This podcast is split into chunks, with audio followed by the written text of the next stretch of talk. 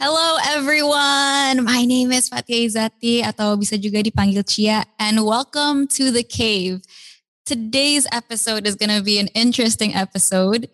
Firstly, because I'm the host, no kidding, but also because kita akan merayakan this podcast is a celebration and it's titled From Zero to Hero. Selebrasinya untuk apa? Kita mau selebrasi karena di bulan September ini juga uh, ada ini Hari Olahraga Nasional dan kita kedatangan speakers uh, yang sangat inspiratif. Salah satunya adalah Mbak Ninengah Widiasih. Mbak Ninengah Widiasih adalah atlet Paralimpik dan yang dia olahraga yang dia tekuni adalah powerlifting. Dan aku benar-benar excited untuk ngobrol lebih lanjut sama Mbak Widi karena I have no clue preparation menjadi atlet untuk mendapatkan medali perak itu seperti apa. So I'm gonna ask her all of the things she does, gimana preparationnya, and also gimana caranya dia bisa terus um, fighting to achieve her dreams. Kita juga nggak cuman sama Mbak Widi, tapi ada juga Pak Stefanus atau Mas Stefanus Wisnu Kumarajati, uh, Head of Operations dari Home Credit Indonesia. And you might ask, kenapa ada Mas Wisnu? Apa hubungannya? Ternyata uh, home credit itu banyak sekali program CSR mereka yang mendukung teman-teman penyandang disabilitas. Dan aku juga pengen kupas tuntas why that is important for them dan apa saja sih sebenarnya program-program yang mereka punya. So just a heads up Mbak Widi ini sekarang lagi di Brazil dan dia sedang ada di Brazil untuk kualifikasi Paralimpik selanjutnya. So bisa kelihatan kalau if you want to achieve your dreams, stepnya itu panjang banget. Gak mungkin orang sukses langsung overnight. Success does not come overnight. So let's hear her story. Sekarang kita sudah bersama Mbak Widi. Halo, selamat pagi. Halo, selamat pagi. Selamat pagi. pagi. Aku sangat excited untuk ngobrol sama Mbak Widi yang sekarang sebenarnya lagi nggak di Indonesia. So terima kasih banyak Mbak Widi sudah meluangkan waktu untuk ngobrol bareng di From Zero to Hero. Uh, Mbak Widi apa kabar? Kabar baik, baik. Harus baik. Harus baik. Di tengah-tengah pandemi ini kita semua berusaha untuk harus baik dan sehat. Ya. Oke Mbak Widi mungkin langsung aja ya karena aku nggak sabar banget pengen tahu cerita perjalanan Mbak Widi. Boleh diceritain nggak mungkin singkat aja dari awal kalau boleh uh, gimana sih uh, cerita Mbak Widi bisa terjun di dunia olahraga apalagi lifting? Ah ya uh, berawal sebenarnya ber, uh, berawal dari ikut-ikutan saja karena pada saat itu saya mulainya masih kecil pada saat usia saya uh, pada usia uh, kelas 6 SD tepatnya. Pada saat itu saya cuma ikut-ikutan kakak kayak gitu pulang sekolah ikut kakak latihan setiap hari seperti itu. Lalu kemudian pelatihnya itu lihat saya kayak gitu, kenapa kamu cuma lihat doang?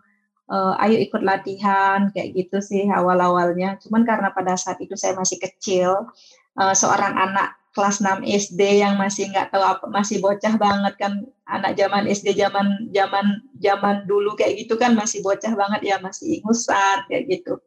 Terus akhirnya uh, kayak apa namanya masih anak kecil ya jadi suka uh, mau nggak mau kadang kalau lagi mau ya mau kadang kalau lagi nggak mau kadang saya suka nangis dipaksa untuk latihan kayak gitu. Tapi dengan berjalannya waktu uh, saya uh, latihan, lalu tiga bulan uh, setelah ikut latihan itu saya langsung diikutkan kejuaraan nasional oleh pelatih saya, langsung dapat medali emas pada saat itu. Kemudian uh, saya langsung masuk pelatnas SMP kelas 1 saya langsung masuk pelatnas. Ya udah setelah masuk pelatnas itu uh, berjalan gitu aja. Jadi kayak pulang sekolah, latihan, latihan dan latihan gitu aja sampai akhirnya nggak terasa sampai sekarang. Wow, jadi dari kelas 6 SD ya Mbak, berarti udah berapa lama tuh? Oh, kelas 6 SD uh, 2006. Wah udah lama banget. Aku lagi coba ngitung berapa lama itu. I'm so bad at math. Oke, okay. well awalnya kan uh, ikut-ikutan aja, ikut-ikutan kakak. Tapi sampai sekarang gak berhenti berarti kan Mbak Widi menemukan mungkin rasa cinta terhadap uh, powerlifting gitu. Boleh diceritain nggak itu kapan sampai benar-benar kayak oke okay, aku mau melakukan ini gitu? Iya, uh, mungkin uh, karena pada saat uh, saya udah masuk pelatnas itu uh, saya cuma fokusnya uh, latihan, latihan dan sekolah. Bahkan saya uh, sekolah saya pelatnasnya di Solo, sedangkan saya sekolahnya di Bali. Jadi saya pulang ke Bali itu cuman kalau lagi ulangan atau ujian sekolah saya baru pulang ke Bali. Jadi uh, pada saat uh, kelas 1 SMP saya pertama kali ikut Asian Para Games di Thailand. Saya langsung dapat medali perunggu. Habis itu saya langsung bilang sama pelatih saya, sama orang tua saya, uh, nanti kalau saya pulang ke Indonesia, saya kalau latihan nggak mau nangis-nangis lagi, saya nggak mau banyak alasan lagi. Saya pingin saya mau latihan yang sungguh-sungguh karena saya pingin jadi atlet hebat seperti lawan-lawan saya. Saya bilang kayak gitu dan ya udah saya pulang ke Indonesia. Saya lebih uh, saya memang benar-benar latihan latihan memang benar-benar sungguh-sungguh saya. Jadi pulang sekolah latihan dulunya waktu kelas 6 SD itu saya pulang sekolah saya suka sembunyi. Soalnya pulang sekolah pelatih udah nungguin depan rumah. jadi dari habis itu saya nggak pernah kayak gitu lagi. Oke, jadi di, dari yang tadinya disuruh latihan malah ngumpet pulang sekolah sampai akhirnya benar-benar Mbak Widi ini pengen sungguh-sungguh dan menjadi uh, atlet yang hebat.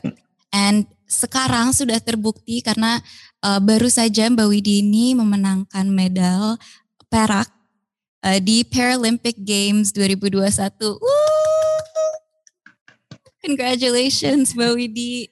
Boleh tahu nggak persiapannya untuk Paralympic Games ini apa aja yang harus dilalui, apalagi di masa-masa pandemi seperti sekarang ini? Ya, uh, yang pasti proses menuju Paralympic Tokyo itu nggak mudah. I know it's not easy, easy for everyone. Semua mengalami hal yang sama ya di seluruh dunia. Tapi uh, apa namanya uh, dengan segala segala apa namanya segala dramanya ke apa di situasi pandemi ini uh, apa namanya puji Tuhan banget apa berjalan dengan lancar bertanding sampai pulang juga dengan keadaan sehat itu yang luar biasa mungkin ya kalau perjalanannya mungkin uh, banyak banget uh, rintangan uh, apa namanya ya bukan rintangan sih mungkin lebih kayak kayak kalau kayak satu minggu sebelum berangkat ke Tokyo itu kan kita PCR setiap hari ya, bangun pagi jam 6 itu kita udah PCR. Mungkin stresnya itu malah lebih uh, menunggu hasil yeah. hasil PCR yang bikin stres. Itu luar biasa stres banget bangun pagi kita di, udah di PCR habis itu kita nunggu hasilnya itu benar-benar stres banget. Jadi uh, di masa pandemi ini kita bukan hanya fokus untuk uh, mempersiapkan mental dan mental dan persiapan kita untuk bertanding, tapi kita juga harus benar-benar fokus mempersiapkan uh, gimana kita harus benar-benar sehat nih. Ya, pokoknya gimana caranya hasil eh, PCR setiap hari harus negatif karena dengan semua proses yang udah kita jalani kayaknya ngerasa konyol aja kalau sampai di hari H mau pertandingan tiba-tiba kita uh, apa namanya positif. Jadi kayak aduh itu yang benar-benar benar-benar yang harus kita jaga benar-benar yang awalnya saya nggak nggak begitu suka minum vitamin dan segala macamnya saya jadi setiap hari minum vitamin karena saking takutnya saking takutnya karena udah nggak apa namanya dengan proses latihan yang begitu panjang yang uh, apa namanya uh, lima tahun ya uh, Paralimpik terakhir 2016 di Rio de Janeiro setelah itu tahun ini jadi kayaknya uh, apa akan sia-sia jika jika udah mendekati terjadi hal-hal yang tidak diinginkan. Jadi berusaha keras bagaimana caranya uh, harus benar-benar sehat. Mungkin itu ya suka dukanya selama pandemi, pertandingan selama pandemi. Oke, okay. wow, berarti benar-benar setiap hari dibikin deg-degan gitu ya. Semoga yeah. negatif, semoga negatif gitu. Tapi um, Mbak Widi, you got through it and you did amazing. Boleh tahu nggak secara spesifik itu sebagai atlet Paralimpik, um, memangnya untuk latihan itu butuh waktu berapa lama? Preparationnya itu dari apakah setahun sebelumnya atau gimana Mbak? Uh, actually saya uh, apa namanya di pelatnas itu tanpa jeda ya. Kita di pelatnas itu jeda palingan cuma hanya sebulan paling lama dua bulan jeda jeda pelatnas habis itu lanjut terus. Saya tuh dari 2000 dari habis Paralympic Games terakhir di Rio de Janeiro 2016 itu saya nggak ada jeda. Hmm. itu di pelatnas nyambung terus. Jeda seperti yang tadi saya bilang sebulan dua bulan. Habis itu nyambung terus hanya saja pas tahun kemarin waktu pandemi coming Mm-hmm. tiba-tiba yeah. itu yang kita udah persiapan mau berangkat uh, udah latihan seperti macam apa pacu kuda kayak gitu ya latihannya tiba-tiba pandemi uh, terus akhirnya semua semua kejar, kejuaraan yang harus di cancel dan dipuspun salah satunya Paralimpik Tokyo yang harus dipuspun uh, ke tahun ini itu kita sempat dipulangkan semua. Karena pada saat itu kan pandemi masuk ke Indonesia kita ketakutan semua. Kita akhirnya dipulangkan uh, semua. Kita sempat training from home. Saya sempat ngalamin training from home selama enam bulan memang tidak efektif, sangat tidak efektif karena training from home itu kayak apa ya, cuman kita cuman bisa maintain aja, maintain kebugaran aja pada saat itu dan uh, akhir uh, habis itu masuk uh, apa akhir-akhir uh, tahun uh, tahun kemarin kita kita udah apa ketika kita udah tahu jadwal pasti bahwa ini Tokyo nggak akan dipospon lagi akhirnya kita masuk pelatnas lagi kita benar-benar fokus banget latihan kita nggak boleh kontak dengan siapa pun. Jadi setiap hari itu hanya tempat latihan mes tempat latihan mes. Itu kita benar-benar nggak ada kontak dengan siapa pun orang luar kita hanya kontak hmm. dengan orang-orang yang di dalam pelatnas itu dengan segala protokol yang kita apa lalui dan eh, dan eh, apa namanya saya juga nggak ketemu sama orang tua saya selama setahun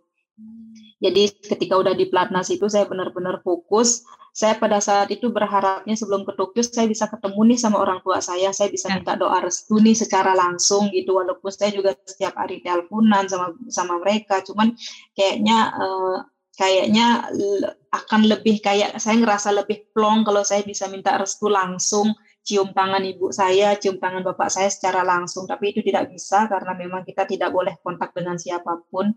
Tapi uh, apa sekali lagi dengan izin Tuhan uh, apa akhirnya saya bisa memperbaiki uh, prestasi prestasi saya sebelumnya dan apa merah putih bisa berkibar di Tokyo dan itu sangat luar biasa. Ya, kita semua sangat bangga sama Mbak Widi. Uh, setelah satu tahun gak ketemu, tapi akhirnya udah ketemu kan Mbak sama orang tua? Ya, jadi kemarin pulang dari, uh, kebetulan saya pulang di kloter pertama, tanggal 28 itu saya udah pulang. Tanggal 26 Agustus saya bertanding, tanggal 28 Agustus saya pulang ke Indonesia, habis itu karantina dulu di Jakarta selama 8 hari. Tanggal 4 uh, eh, September saya pulang ke Bali, langsung saya ketemu sama keluarga, saya juga dijemput di bandara sama keluarga dan itu rasanya luar biasa. Luar biasa apa ya orang tua saya juga kangen banget lah pasti. Ya. Kangen saya juga kangen banget sama mereka selama setahun benar-benar gak ada ketemu kayak gitu. Jadi ya eh, senang apa bahagia banget akhirnya bisa kumpul lagi sama keluarga. Yeah. That's really great to hear. Kalian bisa ngebayangin nggak bawa pulang ke Indonesia, bawa pulang medali gitu, rasanya pasti wah. Apalagi pasti pas uh, pulang disambut sama keluarga. Eh enggak karena lagi pandemi, jadi harus langsung karantina yeah. ya Mbak ya. Jadi mungkin disambutnya setelah karantina. Iya. Yeah. Oke, okay. Mbak Widi uh, lanjut yeah. ke pertanyaan.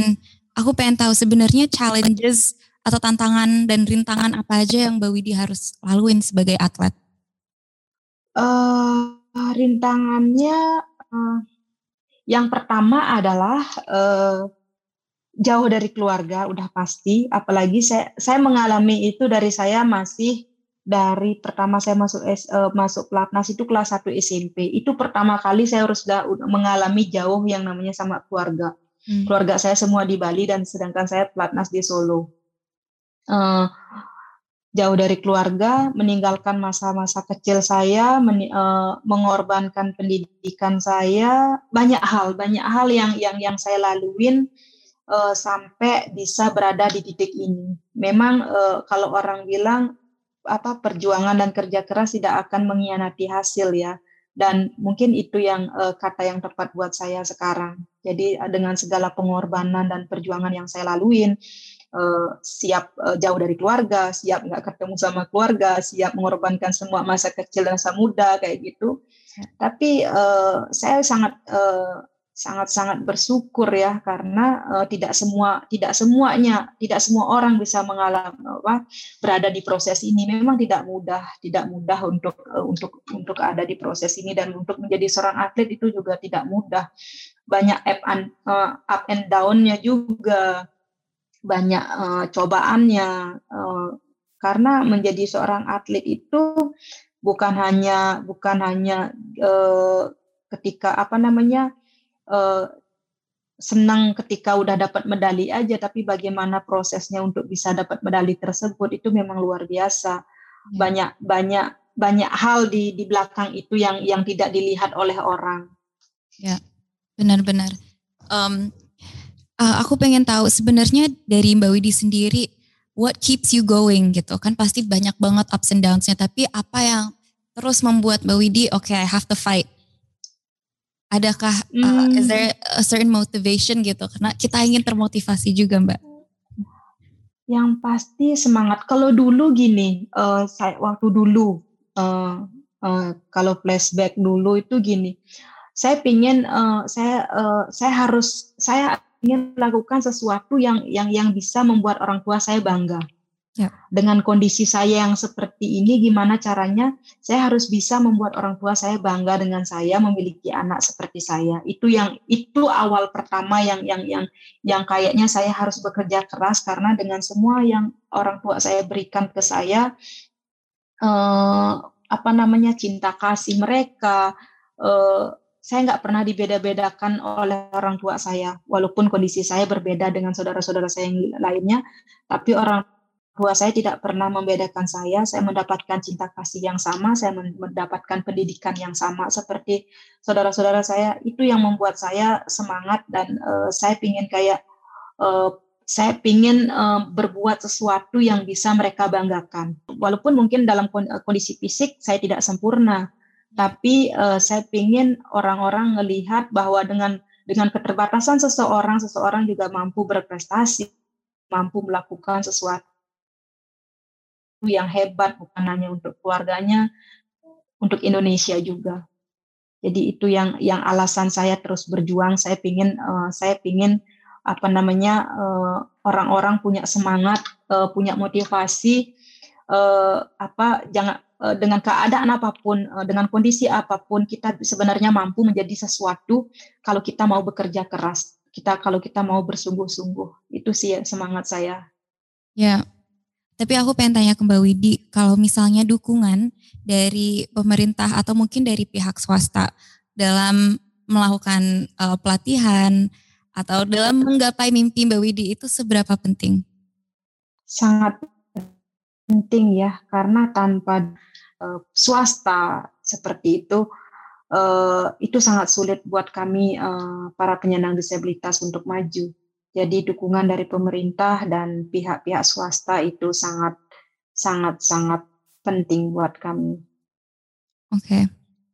Uh, Mbak Widi boleh dikasih contoh nggak? Dukungannya tuh bentuknya seperti apa? Ya, hmm, pertama uh, seperti yang tadi saya bilang, kalau dari pemerintah sudah pasti yang kami butuhkan adalah aksesibilitas di ruang publik ya, karena itu yang yang hal utama yang harus yang hal utama yang sangat-sangat kami butuhkan untuk bisa hidup mandiri secara mandiri. Uh, dan uh, dan kedua uh, memberikan kami uh, pemerintah ataupun pihak swasta memberikan kami kesempatan kesempatan yang sama untuk untuk bekerja gitu. Apa? Untuk bekerja di perusahaan-perusahaan seperti itu bahwa uh, dengan dengan dengan diberikannya kami kesempatan maka kami juga mampu menunjukkan diri kami dan apa namanya uh, melampaui batasan-batasan yang yang orang pikir kami tidak mampu melakukan.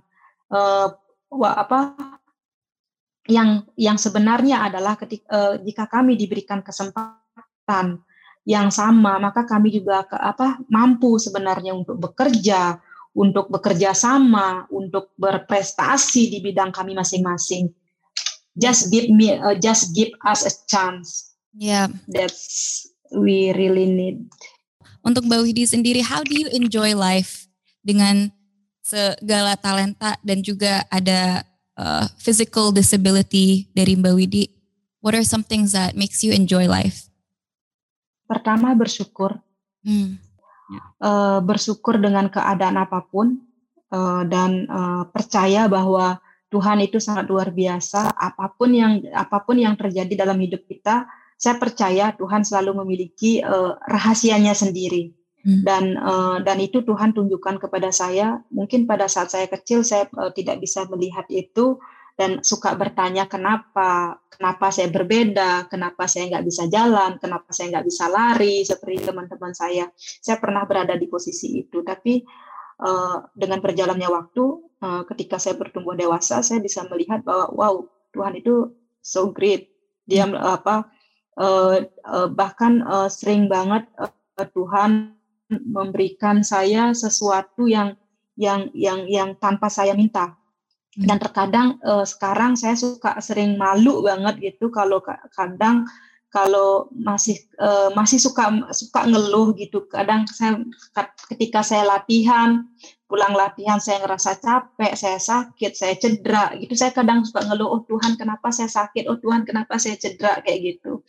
Uh, dan ketika saya menyadari saya kayak ngerasa malu kayak dalam hati saya sering saya sering minta ampun sendiri sama Tuhan karena ngerasa Tuhan itu udah sungguh baik banget sama saya tapi kenapa saya masih suka ngeluh gitu jadi mungkin uh, apa bersyukur uh, harus bersyukur dengan dengan dengan apa pun karena percaya deh percaya bahwa Tuhan itu selalu memiliki rahasianya tersendiri untuk membuat umatnya bahagia ya. dan saya juga bersyukur uh, kenapa saya bahagia? Karena saya memiliki orang-orang di sekeliling saya yang sungguh luar biasa mencintai saya terutama orang tua saya dan saudara-saudara saya. Itu alasan apa uh, mereka adalah semangat saya kehidupan saya dan dan dan dan saya bahagia banget. Saya bahagia memiliki mereka.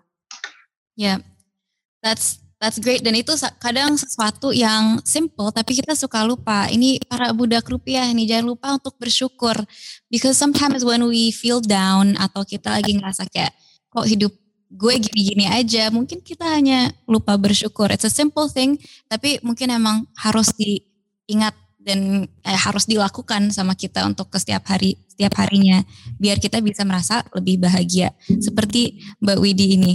Oke, terima kasih banyak Mbak Widi. Uh, sekarang kita akan bertanya-tanya kepada Mas Wisnu yang sudah sabar menanti dari tadi. Halo Mas Wisnu, apakah masih di sini? Halo, selamat pagi. Masih? selamat pagi. Mendengarkan okay. cerita Mbak Widi tadi, benar-benar ini ya. Apa Inspiring namanya? banget ya.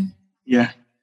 Ya. Benar-benar menginspirasi, memberikan motivasi kita juga terutama di masa-masa seperti ini, di kondisi pandemi ini supaya benar-benar tidak menyerah dan terus bersyukur. Jadi dengar-dengar cerita-cerita seperti yang ceritanya Mbak Widi ini nggak cuma menginspirasi Mas Wisnu tapi benar-benar menginspirasi home credit ya untuk nge-empower uh, orang-orang dengan penyandang disabilitas. Apakah boleh diceritakan uh, bagaimana bisa terinspirasi uh, seperti ini? Iya, kalau boleh cerita sebenarnya gini, karena Home Credit Indonesia ini kan kita mitra belanja terpercaya untuk masyarakat Indonesia ya menemani masyarakat Indonesia untuk kemudian memberdayakan dan mencapai impian-impiannya gitu ya. Oleh karena itu di sisi yang sama program-program CSR kita itu juga harus memberikan misi pemberdayaan. Jadi memberikan akses yang sama kepada siapa pun. Okay. Itu sebenarnya latar belakangnya. Terus kalau mau lebih lanjut kita lihat salah satu value yang ada di perusahaan kita ini adalah people centricity. Hmm. Termasuk di dalamnya itu fairness atau bersikap adil. Jadi kemudian kita juga memberikan kesempatan yang sama, baik bagi karyawan kita, baik bagi customer kita maupun kemudian masyarakat untuk memiliki kesempatan dalam meningkatkan kehidupan mereka. Itu yang kemudian menginspirasi Home Credit Indonesia untuk melakukan program-program CSR seperti ini. Ada beberapa banyak program yang kita lakukan ya ke di Home Credit Indonesia ini ketika melakukan CSR kita fokusnya sebenarnya adalah empowerment, pemberdayaan itu. Jadi instead of kemudian uh, memberikan bantuan yang sifatnya one shot dan udah langsung dinikmati dan habis kita sifatnya lebih bagaimana memberikan pancingnya bukan ikannya gitu. Jadi ada beberapa hal yang kemudian kita lakukan selama ini. Uh, salah satunya itu kita memberikan kayak proyek ketenaga kerjaan. Jadi Home Credit Indonesia itu termasuk salah satu dari perusahaan pembiayaan yang memprakarsai dan mengaktifkan kolaborasi dengan penyandang disabilitas teman-teman penyandang disabilitas ini untuk kemudian memberikan kesempatan bekerja di tempat kami. Jadi jadi kita merekrut juga teman-teman uh, dengan uh, penyandang disabilitas ini bekerja di function-function yang ada di Umpret Indonesia. Ini terus berlanjut dan harapan kita juga ini bisa continue dan kemudian diikuti oleh perusahaan-perusahaan yang lain juga. Itu salah satunya. Uh, kemudian hal-hal yang lain yang kita lakukan, misalnya kita juga memberikan pelatihan kewirausahaan. Waktu hmm. itu kita memberikan pelatihan beternak jangkrik, oh, di sektor informal jangkrik. gitu. Lucu banget. Ya. Karena karena kita merasa bahwa kemudian ya teman-teman ini ada ada di ada di mana pun dengan segala keterbatasan mereka gitu. Jadi kita juga nyasar ke sektor informal. Di sisi yang lain karena sekarang perkembangan teknologi begitu masif gitu ya, kita juga memberikan pelatihan kepada teman-teman penyandang disabilitas ini untuk berlatih coding gitu. Oke, kalau boleh tahu Mas Wisnu, memang programnya apa saja? Salah satunya kita kemarin bekerjasama dengan teman-teman di coding itu memberikan pelatihan untuk menjadi Android developer gitu. Jadi software developer di, di di platform Android. Wow. Itu kita lakukan dan karena program ini kan kita mau pengennya dua arah. Kita juga ingin untuk kemudian memberikan motivasi bagi karyawan kita. Jadi uh, karyawan-karyawan kita itu kemarin juga uh, menjadi relawan di dengan teman-teman di Mitra Neta. Jadi kita membuat uh, audiobook. Jadi kita membacakan buku-buku uh, itu kita bikin audiobook untuk kemudian bisa bisa didengarkan oleh teman-teman yang mungkin apa namanya uh, tidak bisa melihat gitu. Kita juga mengkonversi jadi buku itu kita ketik ulang untuk kemudian diproduksi menjadi buku braille. Oh. Kita bekerja jadi itu yang kita lakukan terus kemudian kita apa namanya kita bekerjasama dengan mitra-mitra itu memproduksi buku-buku pelajaran dalam bentuk buku braille sehingga kemudian bisa digunakan oleh teman-teman dalam belajar dan juga memberikan beberapa kebutuhan dasar untuk uh, anak-anak dengan cerebral palsy. Itu salah satu apa beberapa contoh yang kita lakukan. Oke, menarik banget. Berarti benar-benar value-nya home credit yaitu fairness atau bersikap adil benar-benar diterapin lewat program-program CSR ini ya. Kalau boleh tahu Mas Wisnu, apakah ke depannya masih ada rencana untuk uh, memperbanyak program untuk me memberdayakan teman-teman penyandang disabilitas? Masih, masih karena seperti yang salah satu contohnya tadi, uh, teman-teman yang kita berikan apa namanya uh, pelatihan kayak software developer jadi di apa namanya coding jadi Android uh, developer itu nantinya akan kita rekrut akan kita rekrut untuk dan bekerja.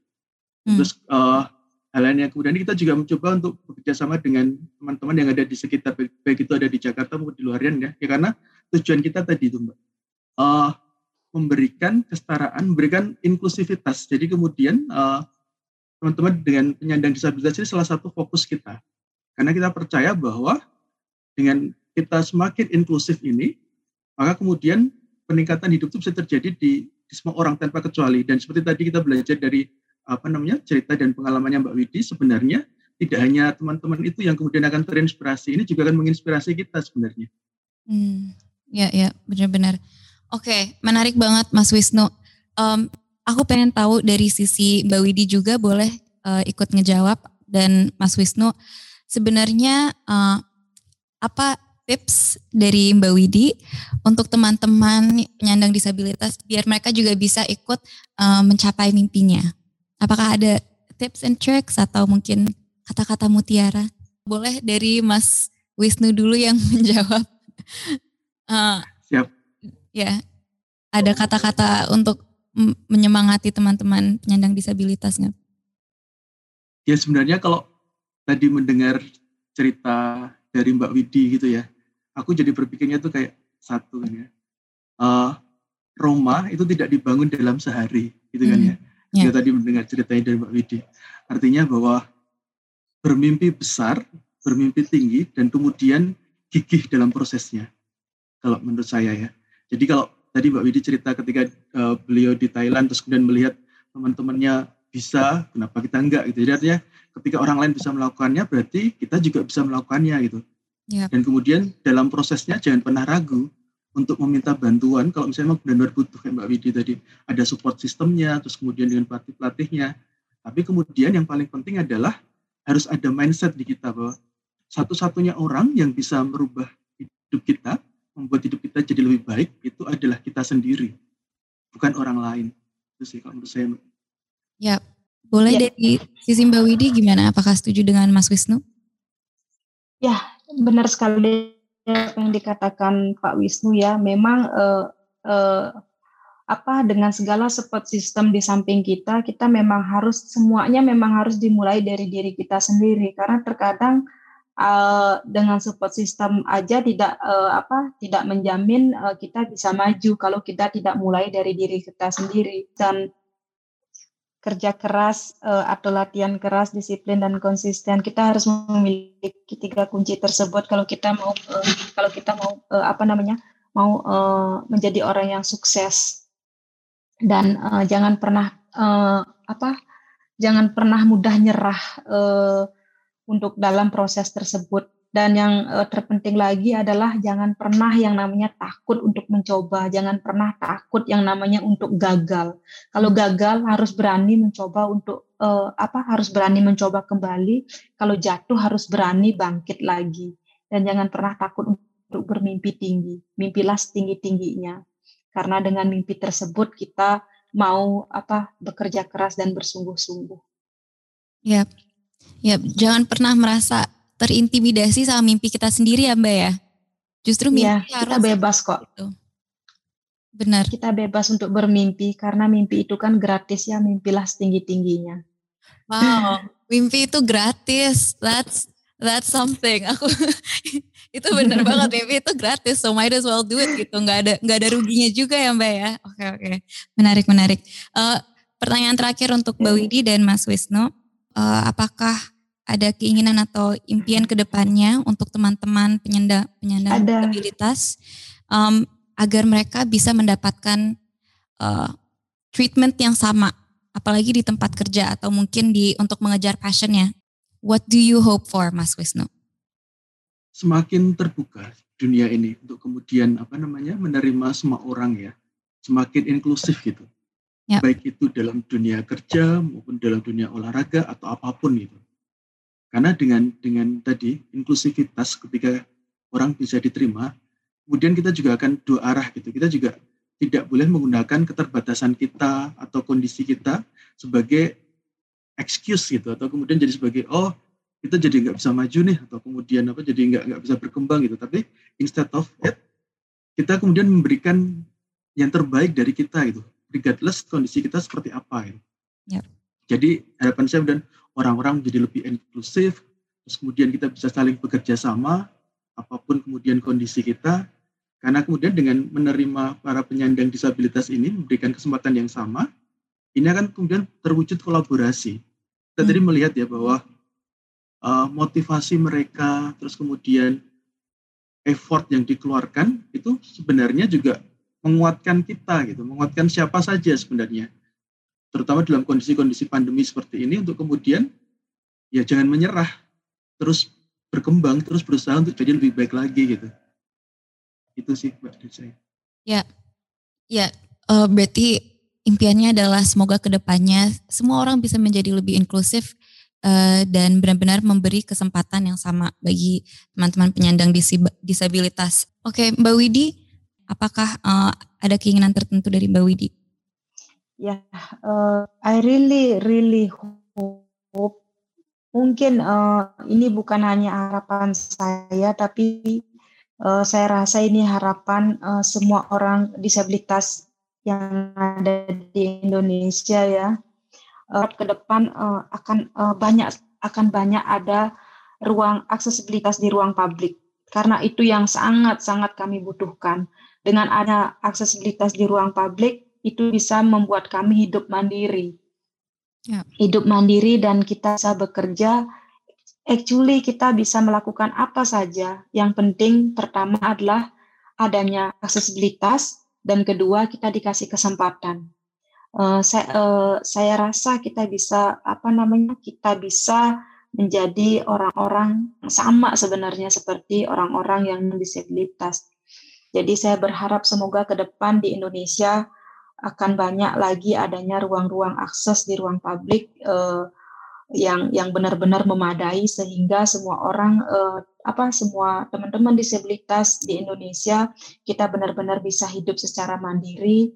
Kalau pergi ke mana-mana nggak perlu takut lagi nggak perlu uh, kayak apa uh, harus selalu minta bantuan orang lain karena tidak adanya akses karena itu juga yang saya rasakan ketika saya uh, ketika saya berada di luar negeri saya ngerasa bahagia banget karena saya ke mana-mana bisa bebas saya bisa ke mana aja tanpa harus saya khawatir memikirkan uh, apa uh, aksesibilitas di ruang publik transportasi umum itu saya nggak perlu khawatir karena di sana uh, saya bisa saya kadang saya ngerasa seperti oh iya kayak saya saya saya ngerasa seperti orang non disabilitas karena saya bisa masuk ke mana aja tanpa harus minta tolong sama orang kayak gitu. Saya pengen banget di Indonesia one day in future.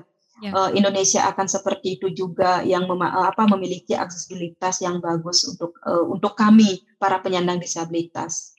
I really hope that. Okay, All right, guys, you have listened to the stories of Mbak Widi dan Mas Wisnu. Semoga cerita-cerita dari mereka menginspirasi. Dan ingat kata-kata yang tadi ya, ada bermimpi itu gratis. Ada juga all we need is a chance. Jadi uh, sebenarnya yang diminta itu nggak susah ya. If we just give our friends with disabilities a chance, mungkin mereka akan lebih semangat untuk meraih cita-citanya. Jadi untuk para budak rupiah, don't be afraid chase your dreams. Uh, thank you so much for tuning in. Don't forget to comment, like, and subscribe for another episode. Bye. Halo teman-teman Budak Rupiah, thanks for listening. Jangan lupa untuk follow Spotify channel kita dan juga social media kita yang lainnya di YouTube, Instagram, dan TikTok at folix.media. Oh, satu lagi, nggak semua tai itu buruk, tai bisa jadi pupuk.